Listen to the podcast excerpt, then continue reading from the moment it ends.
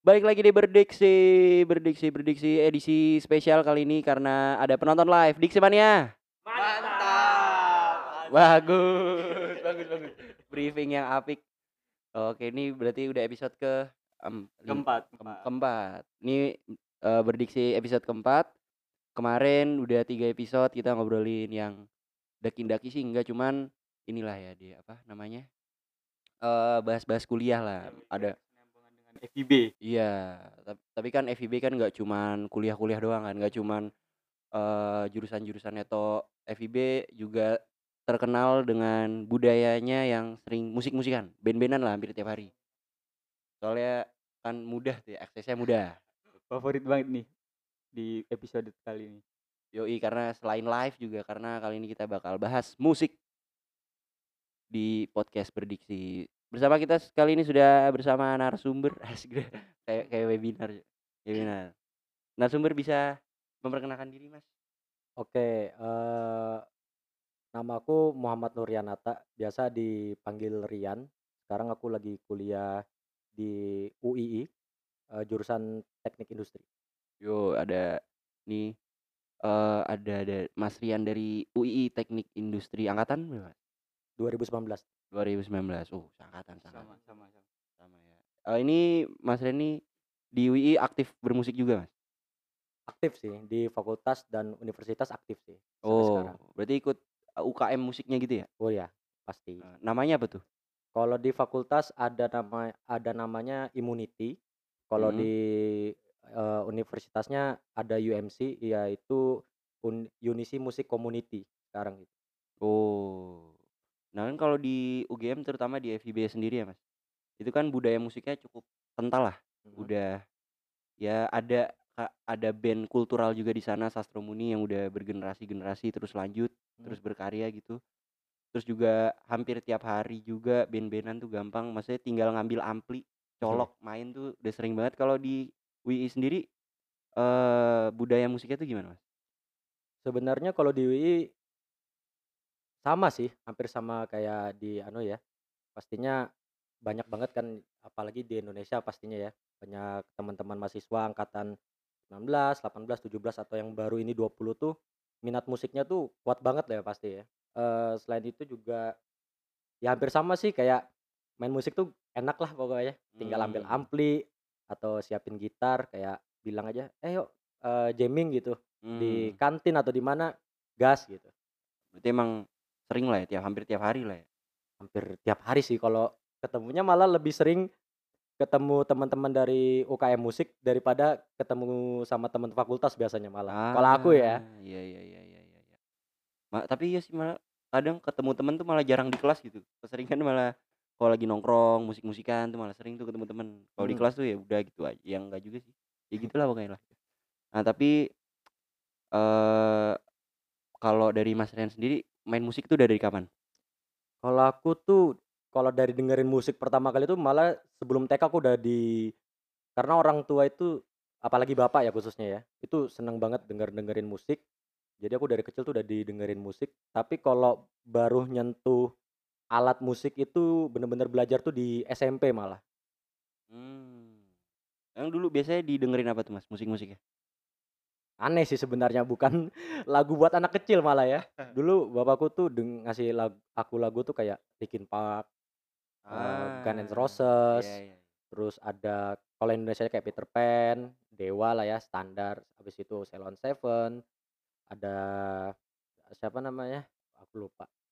Yang kenangan manis tuh lagu eh lain kenangan manis. Eh si ini aduh aku lupa pokoknya ada sih ada Nah, band ya itulah, banyak itulah ya. jadi banyak dari kecil aku bener-bener udah di ya kayak nih udah dengerin aja gitu dari Ya. kecil gitu Band-band populer saat itu lah ya. ya pasti terus ada Hmm. yang klasik-klasik juga ya kan kayak Oa- Oasis Ah. Aerosmith ya gitu-gitulah eh, band-band Iya, bapak iya, ya. iya, iya. Ini lah apa?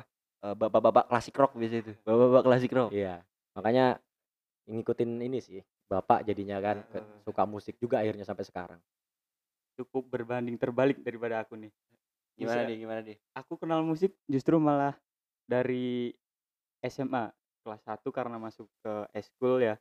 Dan juga ap- eh, apa ketika itu aku suka musik tuh karena ada ujian praktek dan aku nggak bukan tipe penyelam musik yang dari kecil udah kasarannya dicekokin dari kecil deh sama orang Hmm. tua karena orang tua tuh nggak ada yang suka musik Nah, berbeda sama Mas Rian iya, Ya. iya. Dicekokin gitu. Iya, ya. dicekokin. Iya, bahasanya dicekokin Iya. ya. cukup kasar Iya, cukup kasar. Tapi emang gitu ya emang. iya iya Benar benar benar benar. karena di daerahku tuh musik-musik yang apa ya terkenal dan sering didengar tuh malah musik-musik koplo Oh, koplo ya. Kenapa gitu? Hmm. Karena satu pertama anak-anaknya juga nggak terlalu suka denger kayak musik-musik kota gitu slang dan dia malah isi listening musik-musik dangdut koplo gitu. Oh, oke oke. Biasanya ada kan yang daerahnya Iya, emang iya, kayak gitu iya, iya, nuansanya. bener. Iya. Kalau aku apa ya dulu paling ngandelin ini sih kalau di TV MTV dulu tuh. MTV benar benar. MTV, MTV. makanya kenal-kenal.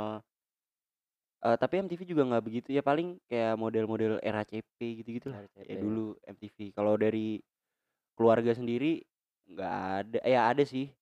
Kalau dari paling bapak sih biasanya itu klasik-klasik rock, model-model Klasik rock biasanya kalau Iya, bapak iya. arahnya ke sana kan. Van Halen Van dan Halen, semacam. Ingwie Malmsteen gitu. Iya, benar benar. Gitu-gitu lah pasti model-modelnya. Heeh, benar. Nah, tapi kalau kalau sekarang nih pas udah mulai bermusik berarti mulai SMP lah ya? SMP mulainya mulai anu ya, maksudnya Mm, belajar, iya main musik belajar. itu dari SMP. Biasanya mainin apa tuh dulu pas SMP? Wah dulu apa ya? Kayak yang yang waktu itu ya, tenar kayak eh lagunya Remember of Today, kayak Pergilang dan Lupakan iya, tuh iya, iya, iya. SMP kan kayak keren banget. keren banget iya. lah pada masa itu kan. Imu-imu. Iya, j- iya jadi kayak mutar satu sekolah itu bawa gitar dengan kepedean main apa? Modal pede doang kan, main juga belum bener. Ya itu di depan anu kayak main. Ya biasa lah ya kalau anak band tuh identik dengan apa caper lah bahasanya. Iya betul betul betul. betul, betul. Apa ya kayak ah, kesempatan nih deketin cewek atau apa gitu kan tebar pesona lah bahasanya ya. Iya, iya, iya, iya. Kayak gitu tuh. Emang citra anak-anak pemusik dan band tuh terkenal dengan cewek-cewek. Iya. Biasa lah ya. Iya. Oh, terus biasanya ini dulu main eh, Last Child dari depresiku. Wah. Iya ya, bener bener bener bener bener. Kan zamannya SMP Iya. itu eh, Popang lagi naik kan waktu itu ya, kayak Heeh. Last Child, Heeh. Wiwi Gaskin, terus kayak Remember of Today lagi naik-naiknya juga. Ya gitu-gitu sih biasanya Ini, ini. Made dulu APWG nih Made. Memang kan di Klaten dulu ada suatu tempat di mana itu tempat anak-anak popam ngumpul dan apa ya? Di situ emang tempat kumpulnya APWG. Beneran di Ah. daerah timur Klaten. Ah, Aduh. info in- info ai. Info dari Made. nah, terus nih. Oh, itu kan dulu SMP tuh mainnya Ah. model-model gitulah. Mm-mm. Terus SMA juga masih sama. Main-main model gitu. Sebenarnya sampai sekarang pun masih sih, tapi kalau sekarang apa ya bahasanya apalagi kita udah ikut UKM ya. Mungkin kalau di SMP sama SMA aku dulu kan UKM-nya tuh bisa dibilang nggak terlalu kelihatan lah ya. Maksudnya nggak terlalu diurus karena biasanya ya kalau di SMA standarnya kan biasanya kayak futsal, basket yang Ah, diperhatiin iya, banget iya, kan. Iya, iya, benar benar benar. Ya, jadi masih ya apa bahasanya kayak keluntang kelantung lah nggak jelas. Terus udah masuk UKM kuliah, terus kayak mereka lebih profesional, lebih prepare juga. Eh, sekarang kasarnya ngikutin pasar aja sih kalau masalah lagu-lagu yang dimainin ya. Hmm. Ya jadi lebih ngulik lah ya. Ya sih. Jadi ngulik lagi. Nah, tapi ini kan eh, berarti perjalanan musiknya udah lumayan panjang lah sampai ke titik ini gitu. Lumayan lumayan. Eh kalau ngomongin musisi favorit, ada nggak musisi favorit dari Mas Musisi Rian? favorit, aduh banyak banget sih. Tapi kalau dari aku sendiri tuh yang masih aku dengerin sampai sekarang tuh My Chemical Romance MCR gitu ya. Ah. Itu sampai sekarang itu aku masih ngulik-ngulik lagunya dia, masih mainin-mainin juga gitu. Kalau nongkrong nyanyi-nyanyiin lagu mereka juga itu sih biasanya. Tapi nggak depresif kan? Aman. Enggak. Masih aman lah. ya? Aman aman aman aman aman ya? aman. Aman aman aman. Suka lagunya aja kayak apa ya? Mereka membuat lagu dengan gaya keras pun tapi bagiku maknanya dapat gitu ya. Kalau bagiku Hmm. Dengan permainan musiknya mereka yang dibilang agak agresif, emo kan genrenya Iya. mereka. Tapi bagiku tuh tetap masuk gitu, dapat aja feel-nya. Ah, yang tapi ngomong-ngomongin dapat feel musik gitu. Mm. Tadi kan MCR lah, Mm-mm. MCR. Seneng denger MCR, Mm-mm. musisi favorit MCR. Eh kalau ngomongin dari sisi lirik, Oke. Menurut Mas Rian, eee, gimana sih, Pak, eee, sampai akhirnya li eee, musik MCR itu bisa dapat banget feel-nya itu karena liriknya kah atau musiknya atau gimana? Biasanya mungkin lebih ke mood mungkin ya. Mmm. Biasanya kan kayak gitu, kayak mungkin lagi patah hati semisal gitu ya, atau lagi stres atau apa gitu. Emang kalau menurutku pun, apa ya, jadi gini, eee, musisi, band, eee, mereka tuh kan anggapannya mereka pelaku seni, Iya iya. ya kan. Jadi, apa ya, jembatannya untuk menyampaikan tuh kan beda-beda.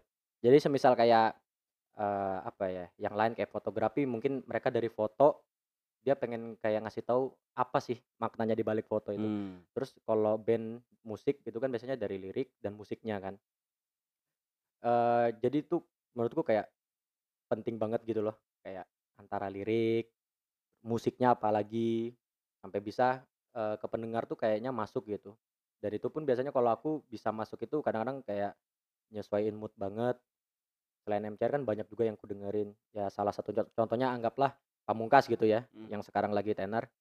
Kayak biasanya orang galau itu dengerin I Love You But I'm Let Go semisal gitu ya. Ah, iya iya. Tapi aku sempat kaget kemarin, eee, denger dia di podcast, eee, di mana gitu di YouTube, dia ngomong gini, ternyata I Love You But I'm Letting Go itu banyak orang mengira itu lagu galau. Ternyata menurut dia sendiri itu lagu cinta gitu. Dan aku kan sempat bingung kayak liriknya, musiknya, itu galau banget lah. Mood-nya galau banget Mood-nya ya? galau banget. Heeh. Kenapa dia ngomong tiba-tiba ngomong itu lagu cinta. Ternyata I Love You But I'm Letting Go kan artinya mengikhlaskan.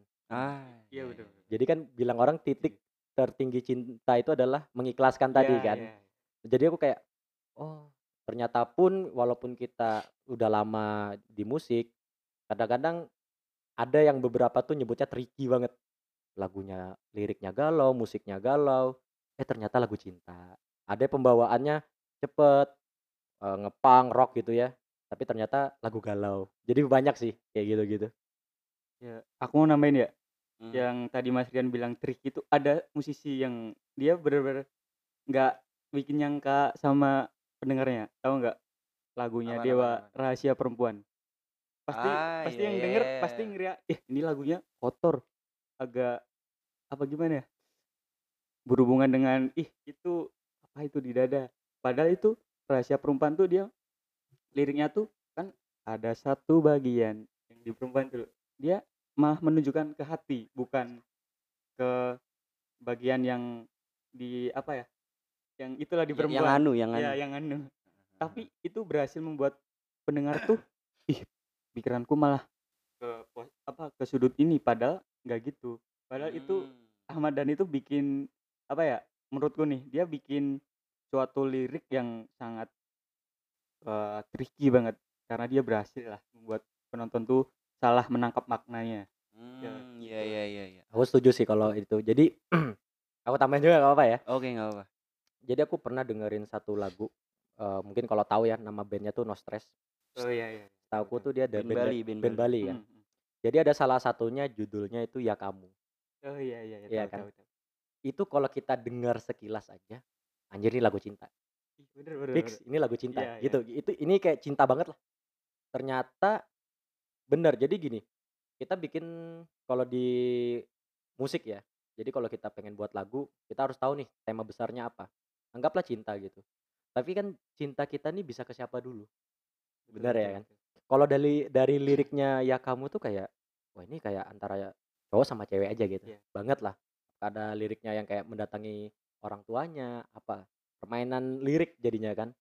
Ternyata pas aku lihat, eee, nonton official YouTube-nya, nonton video klipnya, ternyata tuh lagu cinta buat anaknya gitu loh. Jadi kayak dia tipe orang tua yang susah buat ngomong, "Aku nih sayang sama kamu," gitu. Kan banyak orang Ah, tua yang iya kayak iya gitu iya kan. iya. Jadi dia bikin lagu, salah satu lagunya ya Ya Kamu, itu buat anaknya ternyata. Jadi aku kayak, oh banyak ya yang pembuat lagu tuh, eee, bikin liriknya atau musiknya tuh tricky. Dan itu bener sih kayak anggapannya kalau di film, ada kan biasanya pemeran pemeran antagonisnya atau yang jahatnya tuh sampai dibenci orang. Berarti itu kan salah satu momen dia berhasil Iya Ah, betul. iya iya iya. memerankan filmnya eh, perannya gitu ya. Dan itu menurutku sama sih di musik tuh sama banget kayak gitu. Jadi ya bukannya apa ya, kalau bagiku pribadi, aku lebih suka musik yang maknanya tuh dalam sekalian. Terus emang Mmm. kadang-kadang biar kadang-kadang me mereka pun bikinnya tuh abu-abu gitu. Kayak kita Mmm. harus menerka nih, apa sih maksudnya lagu ini apa, maknanya apa. Jadi, kalau misalkan, apa ya, kalau bagiku sendiri kalau lagunya gampang ketebak tuh kayak enak enak, tapi kayak kurang aja lah gitu bagi kalau aku ya gitu. Nah, berarti emang secara nggak langsung penulisan lirik tuh, apa ya, punya peran penting lah ya? Pemilihan banget. diksi segala macem. Oh, itu penting banget sih. Penting banget, Karena, iya iya. apa ya, susahnya ya kalau menurutku, ya aku bukan ranah pembuat lirik atau musiknya ya, Mhm. mungkin aku kayak main aja gitu. Iya. Karena aku tahu beberapa temanku yang udah lumayan naik juga sekarang, eee, di Jogja khususnya, itu tuh mereka cerita kayak bikin lirik tuh nggak segampang yang dikira. Itu bener-bener kadang kan ada beberapa band besar pun yang bikin lirik itu malah bukan anggota bandnya malah. Ah, iya iya, Ada banyak timnya banyak. sendiri yang buat itu, karena memang butuh inspirasi sih, itu Iya. berat banget. Songwriter gitu. Songwriter itu bener-bener apa ya, eee, kuncinya juga sih suksesnya. Maksudnya satu lagu ini bisa sukses tuh dari pemilihan kata, pemilihan musiknya entar bakal digimanain. Kalau menurut aku sih gitu, makanya penting banget kalimat-kalimat yang ada gitu. Tapi emang sih, apa ya, aku ngomongin songwriter gitu, betapa pentingnya seorang penulis lagu lah ya, katakanlah lagu. Aku soalnya ada salah satu, eee, songwriter favorit di Mhm. Indonesia, salah satu legenda juga, kalau tahu Dodo Zakaria. Mhm. Jadi Dodo Zakaria itu kalau tahu lagunya siapa ya yang terkenal, ah, Vina Panduwinata yang, eee, "Ah, na na na, ada senyummu, Oke, ada iya na" iya nah iya. itu. Jadi dia tuh ternyata maksudnya kan tuh kayak mau menggambarkan betapa di dada di hatinya dia tuh cuman ada si seseorang yang dia suka itu, yang Oke. dia cintai, ya kan? Iya Kayak, bener "Di bener dadaku bener. ada kamu, ada senyummu, ada manismu." Bener bener. Tapi ternyata lupa itu dijelasin di mana, dia sempet ngejelasin kalau ternyata lagu itu tuh dia buat setelah nih nih bukannya apa gimana, ini agak saru tapi sebenarnya ya ini kenyataannya kayak gini. Jadi kenapa, eee, Dodo Zakaria nulis lagu Di Dadaku Ada Kamu itu, jadi sa waktu Vina Panduwinata dateng, itu kan dadanya agak gede, agak bener. ukurannya agak besar Iya. Vina Panduwinata. Jadi pas dia lihat tuh kayak ngebayangin, wah kayaknya kalau tiduran di situ enak banget gitu. Bener Terus bener. akhirnya ditulislah lagu itu, Di Dadaku Ada Senyummu, Ada Kumismu, Mhm. Ada Manismu, makanya akhirnya jadilah lagu itu. Maksudnya Bener. dari premis-premis yang sebenarnya kayaknya tuh kalau dibuat lagu kayaknya nggak mungkin gitu. Bukan nggak mungkin ya, agak aneh lah. Iya, Tapi bener. akhirnya bisa di-convert sedemikian rupa dan jadi lagu yang fenomenal tuh maksudnya keren aja sih. Keren Keren sih. keren banget. Karena menurutku juga songwriter tuh karena aku pernah dengar Pamungkas ngomong kayak gini. Karena aku waktu ini, eee, sempat bener-bener ngikutin Pamungkas ya. Mhm. Tapi nggak dari lagunya aja, maksudnya personalnya gitu. Terus ternyata dia bilang susahnya jadi songwriter adalah peka. Peka itu maksudnya peka terhadap seluruhnya. Karena kan inspirasi itu datang dari mana aja dan kapan Mmm, aja. mhm. Kadang malah saat kita serius pengen nulis gitu ya, Malah nggak jadi. bisa. Mhm. Kad kasarnya saat kita lagi buang air besar di WC, itu malah dapet. Mmm. Ya kan? Atau Iya kita iya, la bener udah, bener. "Ah malas ah bikin, udah keluar bentar." Eh ternyata ngelihat orang lagi, apa, kelahi pacaran, itu malah, eh bisa nih dijadiin tema dan bisa aku jadiin lirik nih. Ah, iya iya iya iya. Minum dulu minum dulu, seret ini, minum mulu ngomong mulu dari seret ini, minum dulu, kasih kasih minum dikit lah. Kasih minum kasih Iya, minum kasih minum, minum serat serat. lah. Nah jadi gitulah ya. Tapi juga maksudnya ya akhirnya eee, musik, lagu lah ya, katakan lagu, eee, akhirnya jadi ini ya, terlebih setelah perkembangan teknologi sekarang gitu. Oke. A o akses orang untuk eee, akses orang untuk mengakses musik tuh jadi lebih mudah, kalau dulu kan harus beli kaset, Oh ya bener. segala macem. Mmm. Eee, terus berkembang lagi ke Walkman, berkembang lagi akhirnya sekarang udah bisa digital gitu. Bener bener. Akhirnya, eee, apa ya, eee, lagu ya sebenarnya ini dari dulu sih, budaya seperti ini. Akhirnya musik itu bisa dijadikan, eee, kasarnya pelampiasan lah. Bener Pelampiasan banget. orang-orang dalam melampiaskan sesuatu, entah itu dia dengan berkarya, melampiaskan dengan berkarya, atau mungkin Mmm. dengerin lagunya, atau mungkin dengerin sambil nyanyi keras-keras di motor. Bener. Eee, kalau menurut Mas Rian nih, eee, Mas Rian tuh memandang apa ya, bukan budaya juga sih maksudnya, eee, fenomena kayak gitu tuh kayak gimana sih? Aku apa ya? Kalau fenomena gitu aku setuju sih kayak yang, eee, sampean bilang tadi ya. Mhm. Kayak jadi jembatan kita gitu loh untuk melampiaskan emosi itu aku setuju banget karena gini, mmm, banyak orang itu nggak tahu ke mana arah pelampiasannya. Mmm. Jadi kasarnya ya sorry nih ya kayak mungkin bisa sampai bunuh diri gitu, banyak kasus terjadi kayak gitu kan. Jadi aku jujur nemuin musik itu senang banget. Jadi kalau semisal aku lagi pusing atau apa, walaupun aku tahu suaraku jelek gitu ya, atau lagi galau gitu, Mhm. aku saking bodoh amatnya kayak ya udah nyanyi aja gitu. Mau teriak-teriak mau gimana, ya udah gitu. Kayak aku pengen nyanyi, aku pengen ngeluapin, ya semisal aku lagi galau gitu, aku ambil gitar aku ambil gitar dan mulai kumainkan. Asik asik. Jadi jadi Masuk masuk iya, masuk. tapi Iya, bener aku langsung ngambil gitar, ku mainin lagu apa yang kupengen, teriak-teriak aja. Kadang sampai kalau di rumah ya aku orang tua tuh kayak, "Hei, udah malam gitu, kamu nggak ingat waktu?" gitu. Tapi setelah aku main pun itu bener-bener kayak tenang gitu dan jujur ya pasti beberapa orang ngalamin ini ya kayak mental health dan sebagainya. Banyak banget lagu tuh yang apa ya, cerita juga tentang mental health-nya, banyak banget. Mmm. Ada yang mungkin salah satu anggotanya meninggal, ada yang mungkin juga salah satu anggota band-nya bunuh diri dan Iya sebagainya. iya iya. Atau dia menceritakan, eee, bahayanya tentang bunuh diri, mental health, apalagi di umuran kita gitu ya. Maksudnya Ya lagi usia labil lah ya. ya usia labil banget, belum bisa ngontrol emosi. Eee, mungkin kalau yang orangnya suka dengerin lagu, eee, banyak banget itu referensi lagu-lagu yang kayak gitu ya. Beda-beda kan referensi orang, mungkin ada yang, eee, foto-foto, ada yang lukis, ada yang nari dan sebagainya. Menurut aku sih ya aku fine-fine aja ya fenomena kayak gitu, selama itu masih jalurnya positif sih pastinya ya. Ah, iya iya. Kalau ya pasti kan ada yang negatif-negatifnya juga. Ya sebenarnya gini, kalau pandanganku pribadi, kalaupun kalian mau jalanin yang negatif itu silakan, kalau pandanganku pribadi. Tapi jangan sampai ngerusak atau mengganggu orang lain. Itu Ah, aja iya sih, setuju setuju sesimpel setuju itu sih. aja. Oke, jadi ya kira-kira gitulah bincang-bincang cuap-cuap bersama Mas Rian mengenai musik, terlebih gimana apa ya, eee, bagaimana musik dan pemilihan diksi dalam pembuatan karya musik atau, eee, bagaimana diksi akhirnya menebalkan mood yang ingin dibawa oleh lagu itu. Eee, nih nih udah di udah berapa menit nih, ya udah udah lama lah ini udah ngantuk juga.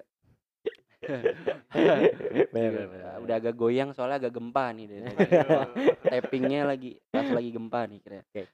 Eee, so sebelumnya makasih udah mau diundang sebagai Narasumber dari narasumber, berdiksi. teman ngobrol. Iya, iya. Narasumber webinar banget. Seolah-olah usut punya usut, webinar banget.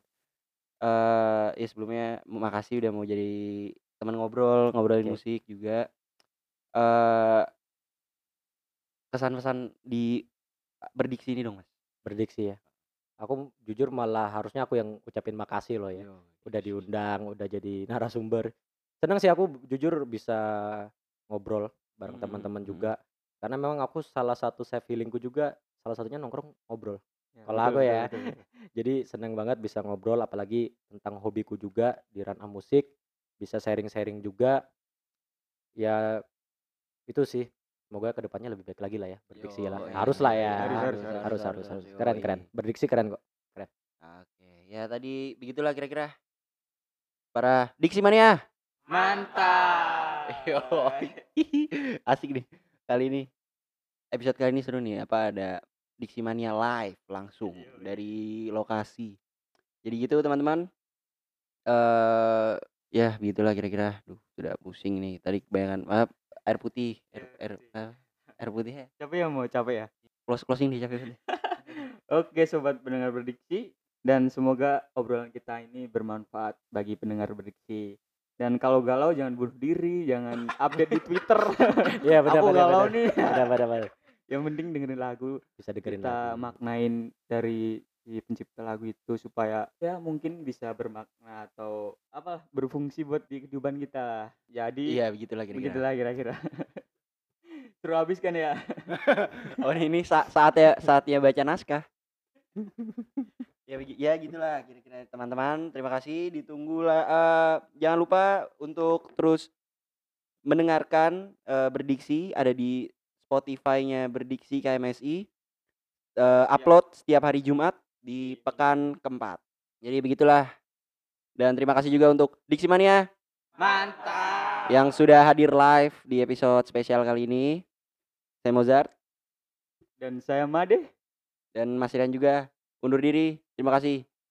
Sampai jumpa. Sampai jumpa. Diksi Mania. Mantap.